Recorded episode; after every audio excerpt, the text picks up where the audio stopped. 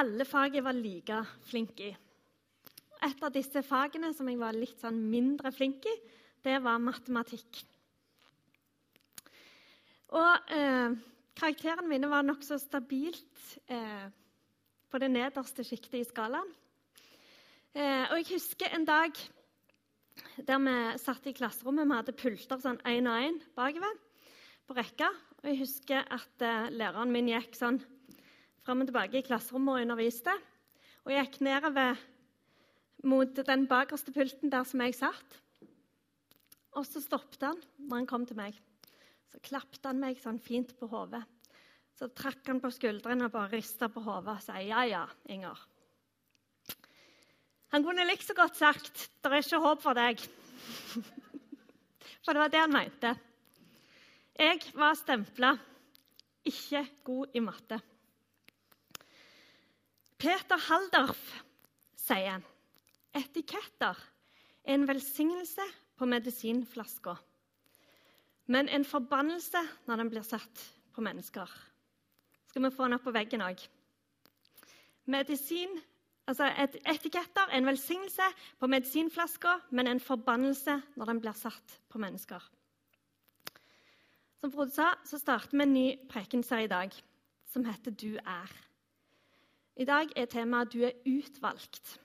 For så ofte i livet så, stem, eh, så blir vi satt stempel på, eller etiketter på, eh, om ting som ikke er sant om oss. Enten vi stempler oss sjøl, eller det er andre som setter stempel på oss. Og Veldig mange av disse stemplene er ikke sanne om oss. Og I denne serien har vi lyst til å se nærmere på disse tingene eh, som vi tenker om oss sjøl, som vi stempler oss sjøl med eller andre med, og se hva Gud sier om oss. Så hvis disse stemplene vi setter, ikke er sanne, hvorfor gjør vi det da? Ifølge Brené Brown, forfatteren av boken 'Daring Greatly', som også er nå kommet på norsk, som heter 'Uperfekt våg å vise hvem du er'. Hun forsker på sårbarhet, og ifølge henne så er det eh, ofte frykten for å ikke bli sett, frykten for å ikke bli hørt, frykten for å ikke bli elska eller verdsatt, verdsatt og føle tilhørighet noe sted. Denne frykten som ligger i bånn her. Og et aspekt av dette er dette aldri nok-problemet. For vi er i mangelvare. Fra vi lukker opp øynene om morgenen, så tenker vi å, vi har ikke fått nok søvn. Å, vi har ikke nok tid. Og vi har ikke nok ditt, vi har ikke nok datt. Så det er aldri nok av noe. Og vi lever i en sånn aldri nok-kultur. Og når du hører gjerne den aldri prikk, prikk, prikk nok-setningen her, så kan du sikkert fylle inn de tankene du har om deg sjøl. Aldri god nok. Aldri perfekt nok. Aldri tynn nok. Aldri nok autoritet og innflytelse. Aldri suksessrik nok. Aldri smart nok. Aldri selvsikker nok. Aldri trygg nok, aldri spesiell nok, aldri fremgangsrik nok i jobben. Og sånn kan dere sikkert holde på. Og jeg har mine ting. Men det motsatte av dette er aldri nok.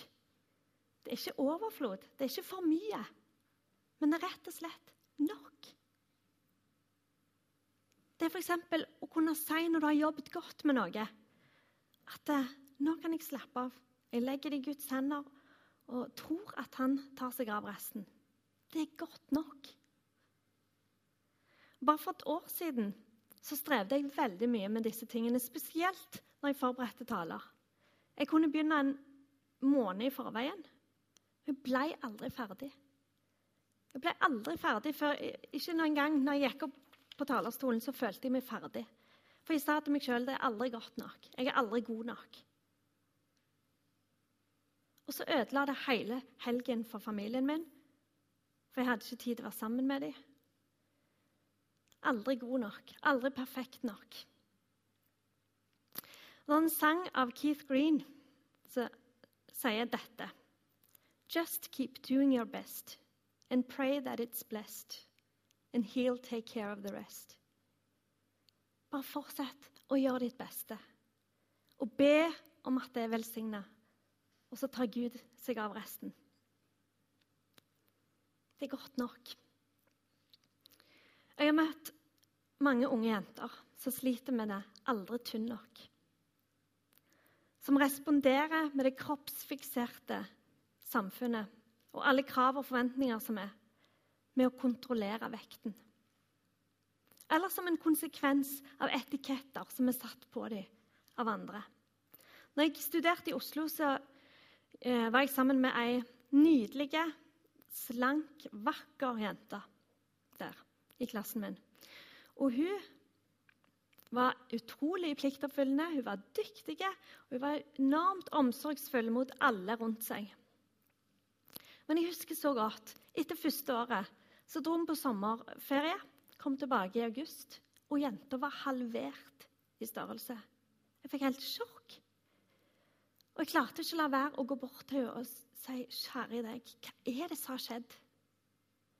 Og Til å begynne med så var hun litt sånn brudd og litt avvisende. Men etter hvert så prata vi mer og mer jevnlig. Og så kunne hun fortelle om en ekskjæreste som hadde kommentert gang på gang at hun hadde kraftige lår. Og så førte det henne i full fart utforbakke, og det har tatt utrolig lang tid å bli frisk. Aldri tynn nok, aldri pen nok, aldri perfekt nok. Og alle har vi et eller annet på denne aldri nok-lista. Og vet du hva Jesus sier til deg der du sitter med dine stempler? med dine etiketter. Han sier, 'Kom til meg, alle dere som strever og bærer tunge byrder, og jeg vil gi dere hvile.' Tenk om vi kunne fjerne det ordet 'aldri' fra denne aldri nok-lista vår. Det er nemlig en som kom for å gjøre det mulig for oss. Som har tatt alle de negative tankene, alle de negative tingene, på seg. Og han ønsker å lette denne byrden for oss. Alt det vi bærer på. Og ikke bare det, men han har gitt oss tilhørighet. Han har utvalgt oss før verdens grunnvoll ble lagt. Før verdens grunnvalg ble lagt, har han utvalgt deg og meg. I Kristus har han utvalgt oss, før verdens grunnvoll ble lagt, til å stå for hans ansikt, hellige og uten feil. I kjærlighet og etter sin egen gode vilje avgjorde han på forhånd at vi skulle få rett til å være hans barn ved Jesus Kristus. Vi vet hva som står, men av og til så føler vi oss ikke utvalgt. Fordi noe har kommet i veien. Og dette noe kan være synd, det kan være vaner, uvaner, eller ting fra fortida som stadig innhenter oss. Angst, frykt, eller disse aldri nok-tankene. Eller at, at vi er omgitt av mennesker som stadig holder oss nede, som ikke føler oss utvalgt. Usikkerhet er en ting som jeg strever en del med. Og jeg tror mange av oss strever med det. Jeg tror menn og kvinner opplever det litt forskjellig. Jeg tror For menn så handler det mye om jobb- og karriererelaterte ting. Ikke selvsikker nok. Ikke nok innflytelse. Ikke framgangsrik nok. Og Noen sitter gjerne med en mislykka følelse av å ha mista jobben. Og det tror jeg ligger tungt for menn. For jeg tror det ligger så dypt i det å for, kunne forsørge familien sin. For kvinner så kan det ha med utseende å gjøre, som vi var inne på. Aldri tynn nok, aldri vakker nok, aldri perfekt nok, aldri god nok. Hvis vi er utvalgt av Gud, hvorfor føler vi oss utenfor? Hvorfor føler vi oss usikre? Hva er det som skal til for at vi skal oppleve at vi faktisk er utvalgt? Det kan være ord som 'elska'. Hvis du visste at du var elska, kanskje du hadde følt deg utvalgt. Eller tilgitt. Hvis du visste at du var tilgitt, kanskje du kunne følt deg utvalgt. Eller sikker eller trygg eller smart osv. Og, og kanskje tenker vi at hvis jeg bare hadde opplevd noe av dette, så ville jeg følt meg utvalgt. Eller kanskje du sitter og tenker hvis jeg bare hadde sluppet å opplevd dette vonde, så kunne jeg følt meg utvalgt. Mange ting vet vi i hodet, men det kan være vanskelig å erfare det. Grunnen til at vi sliter med disse tingene, er at vi fremdeles lever her på jorda. Vi er ikke i himmelen ennå. Vi er her, og ting er ikke perfekt. I Efeserne 6 snakker Paulus om at vi har ikke en kamp mot kjøtt og blod, men mot makter og myndigheter. Ondskapens ånd er i himmelrommet. Og dette er grunnen til at vi strever. For djevelen har ødelagt denne verden. Sånn at det er vonde ting. Og Derfor strever vi med usikkerhet, med skam og med skyld og med alt det som vi setter på disse listene våre.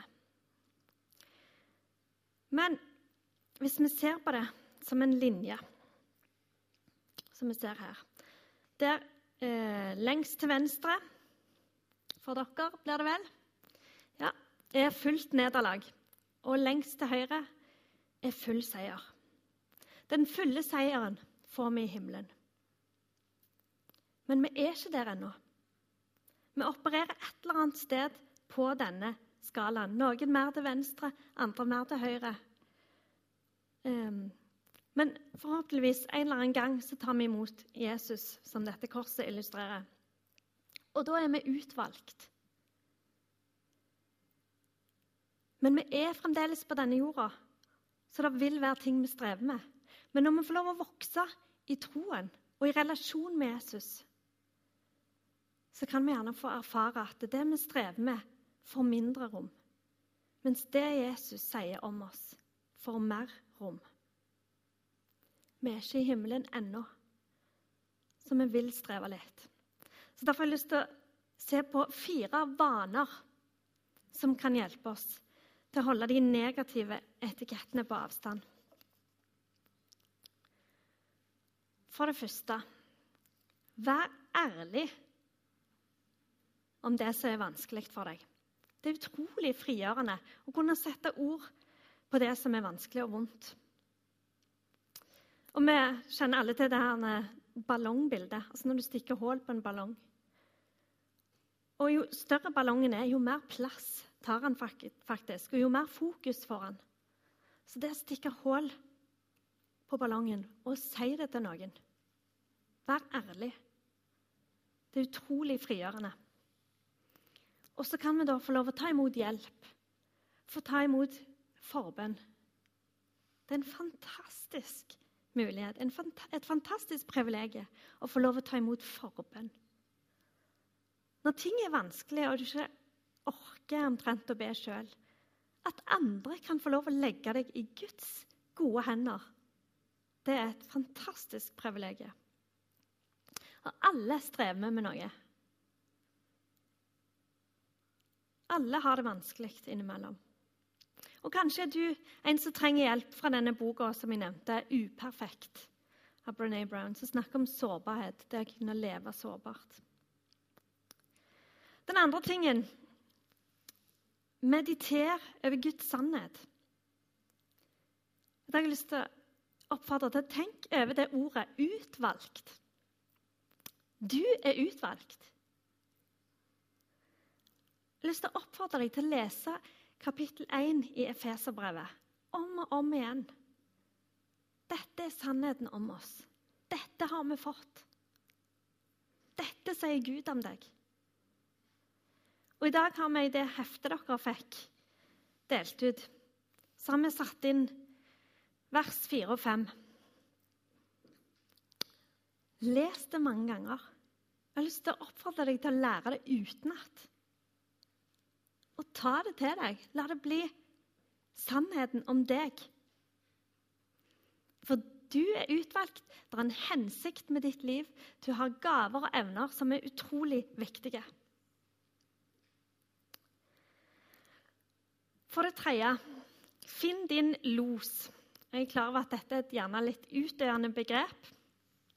Men en los er jo en som viser veien, som hjelper deg på rett kjøl. Og Jeg hørte om en som, et, ehm, som hadde lyst til å springe et type maratonløp. Men før han fikk være med på det store løpet, så måtte han springe et mindre løp eh, innen en viss tid. Eh, altså raskt nok, da.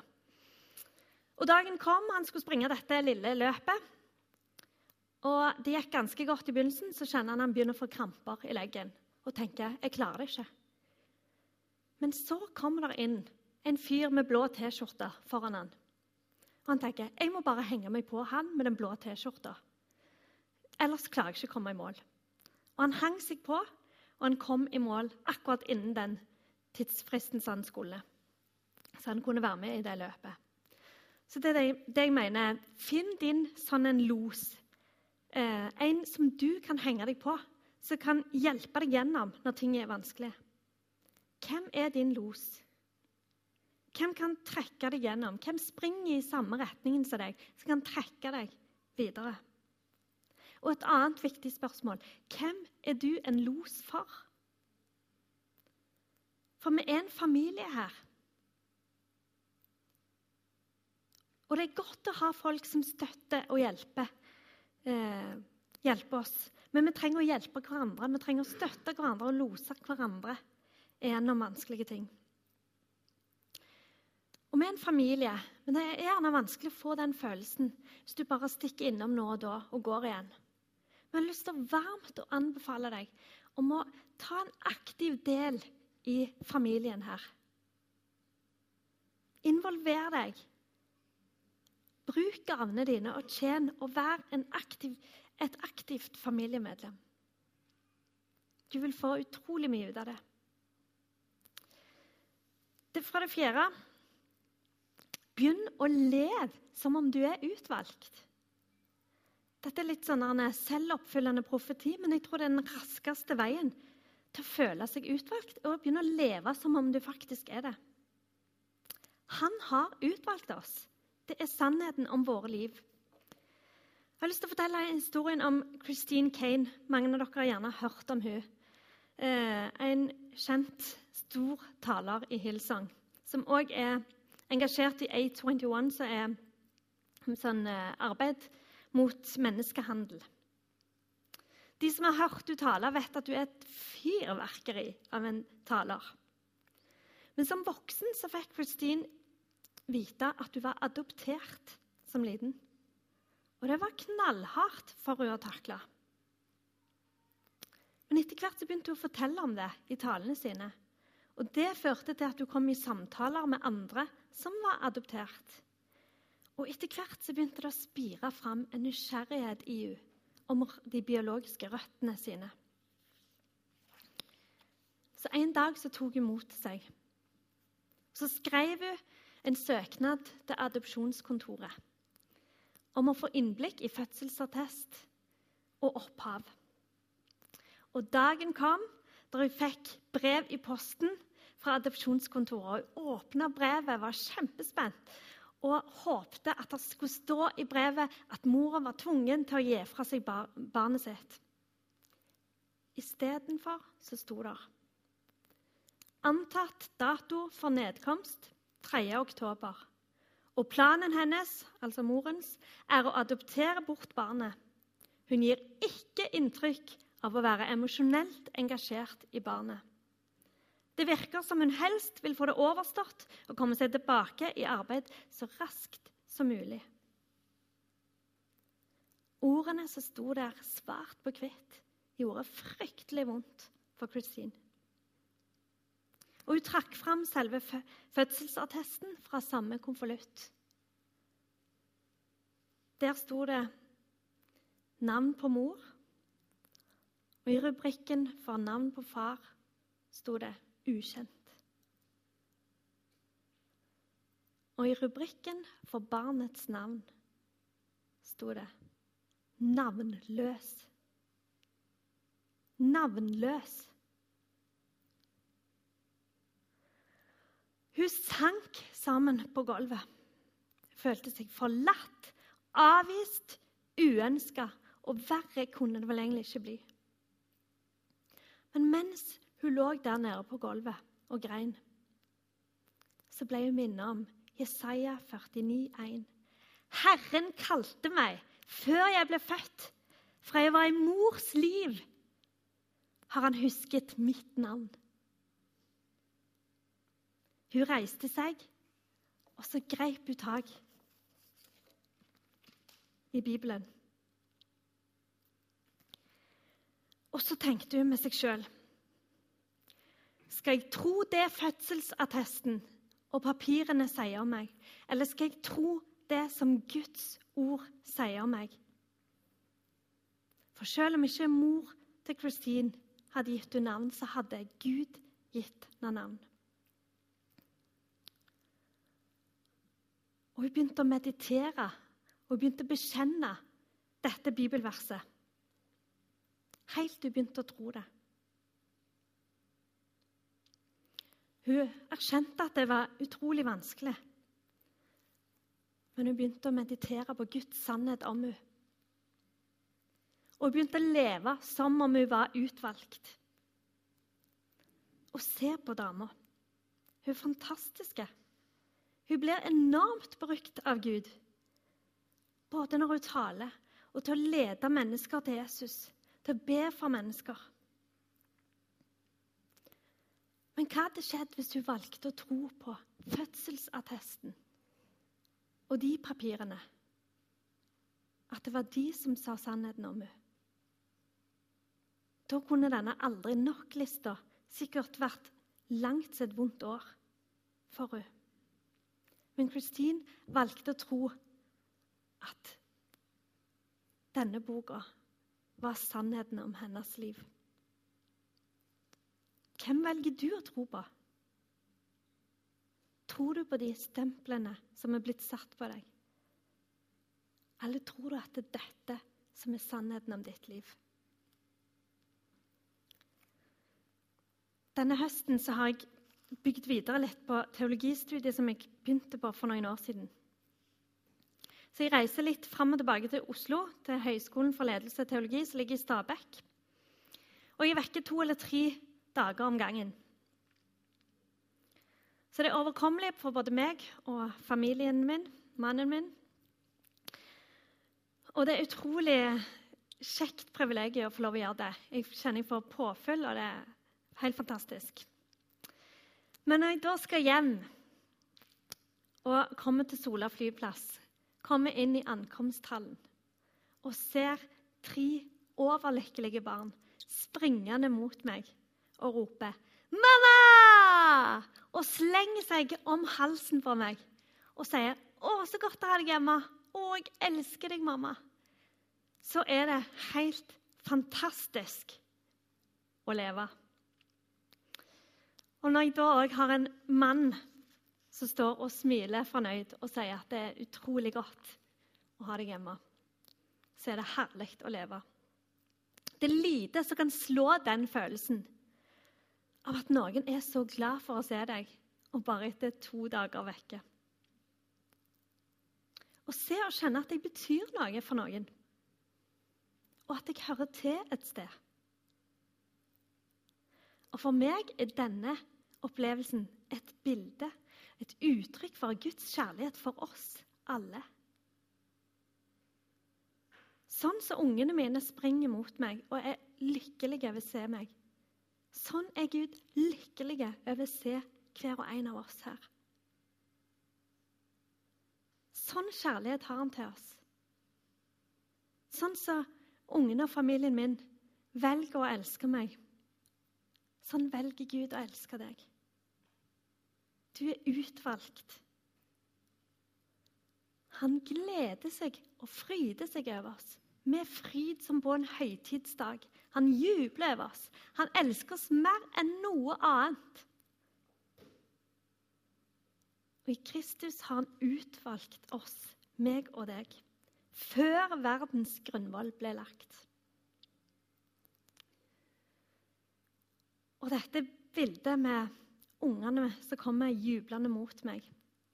Det er òg et bilde på hvor stor jubel der er når en tar imot Jesus som ikke har tatt imot han før. Og den muligheten har du i dag hvis du er her og ikke tror. Jesus jubler over at du tar imot ham. Vi er utvalgt. Du er utvalgt. Dette er etiketten vår. Dette er stempelet vårt. Dette er merkelappen vår. Du er utvalgt. Skal vi be. Himmelske Far, takk for at du har utvalgt oss før verdens grunnvoll ble lagt. Takk for at du har bestemt det sånn at vi skal få lov å komme til deg ved Kristus Jesus. For hver dine barn, Herre.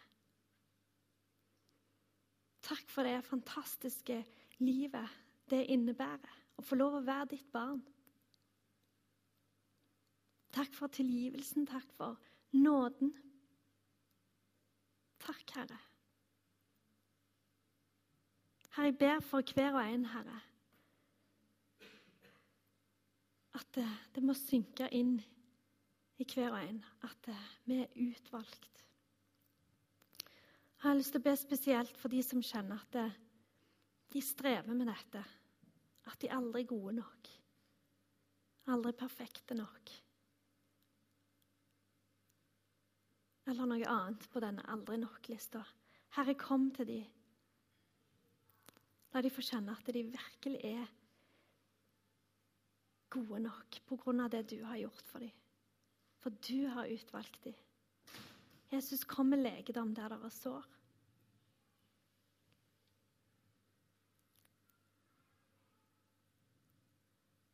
Kom, Herre. Ber om at du skal berøre oss med din godhet. Herre, merk oss med ditt merke over våre liv.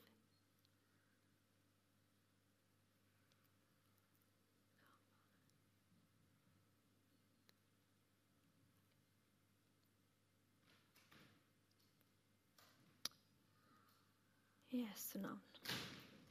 Amen. Da skal vi ta imot en kollekt når denne sangen blir sunget. Og så vil jeg minne om muligheten til forbønn etter gudstjenesten her i bønnerommet. Første rommet du kommer til nær trappa.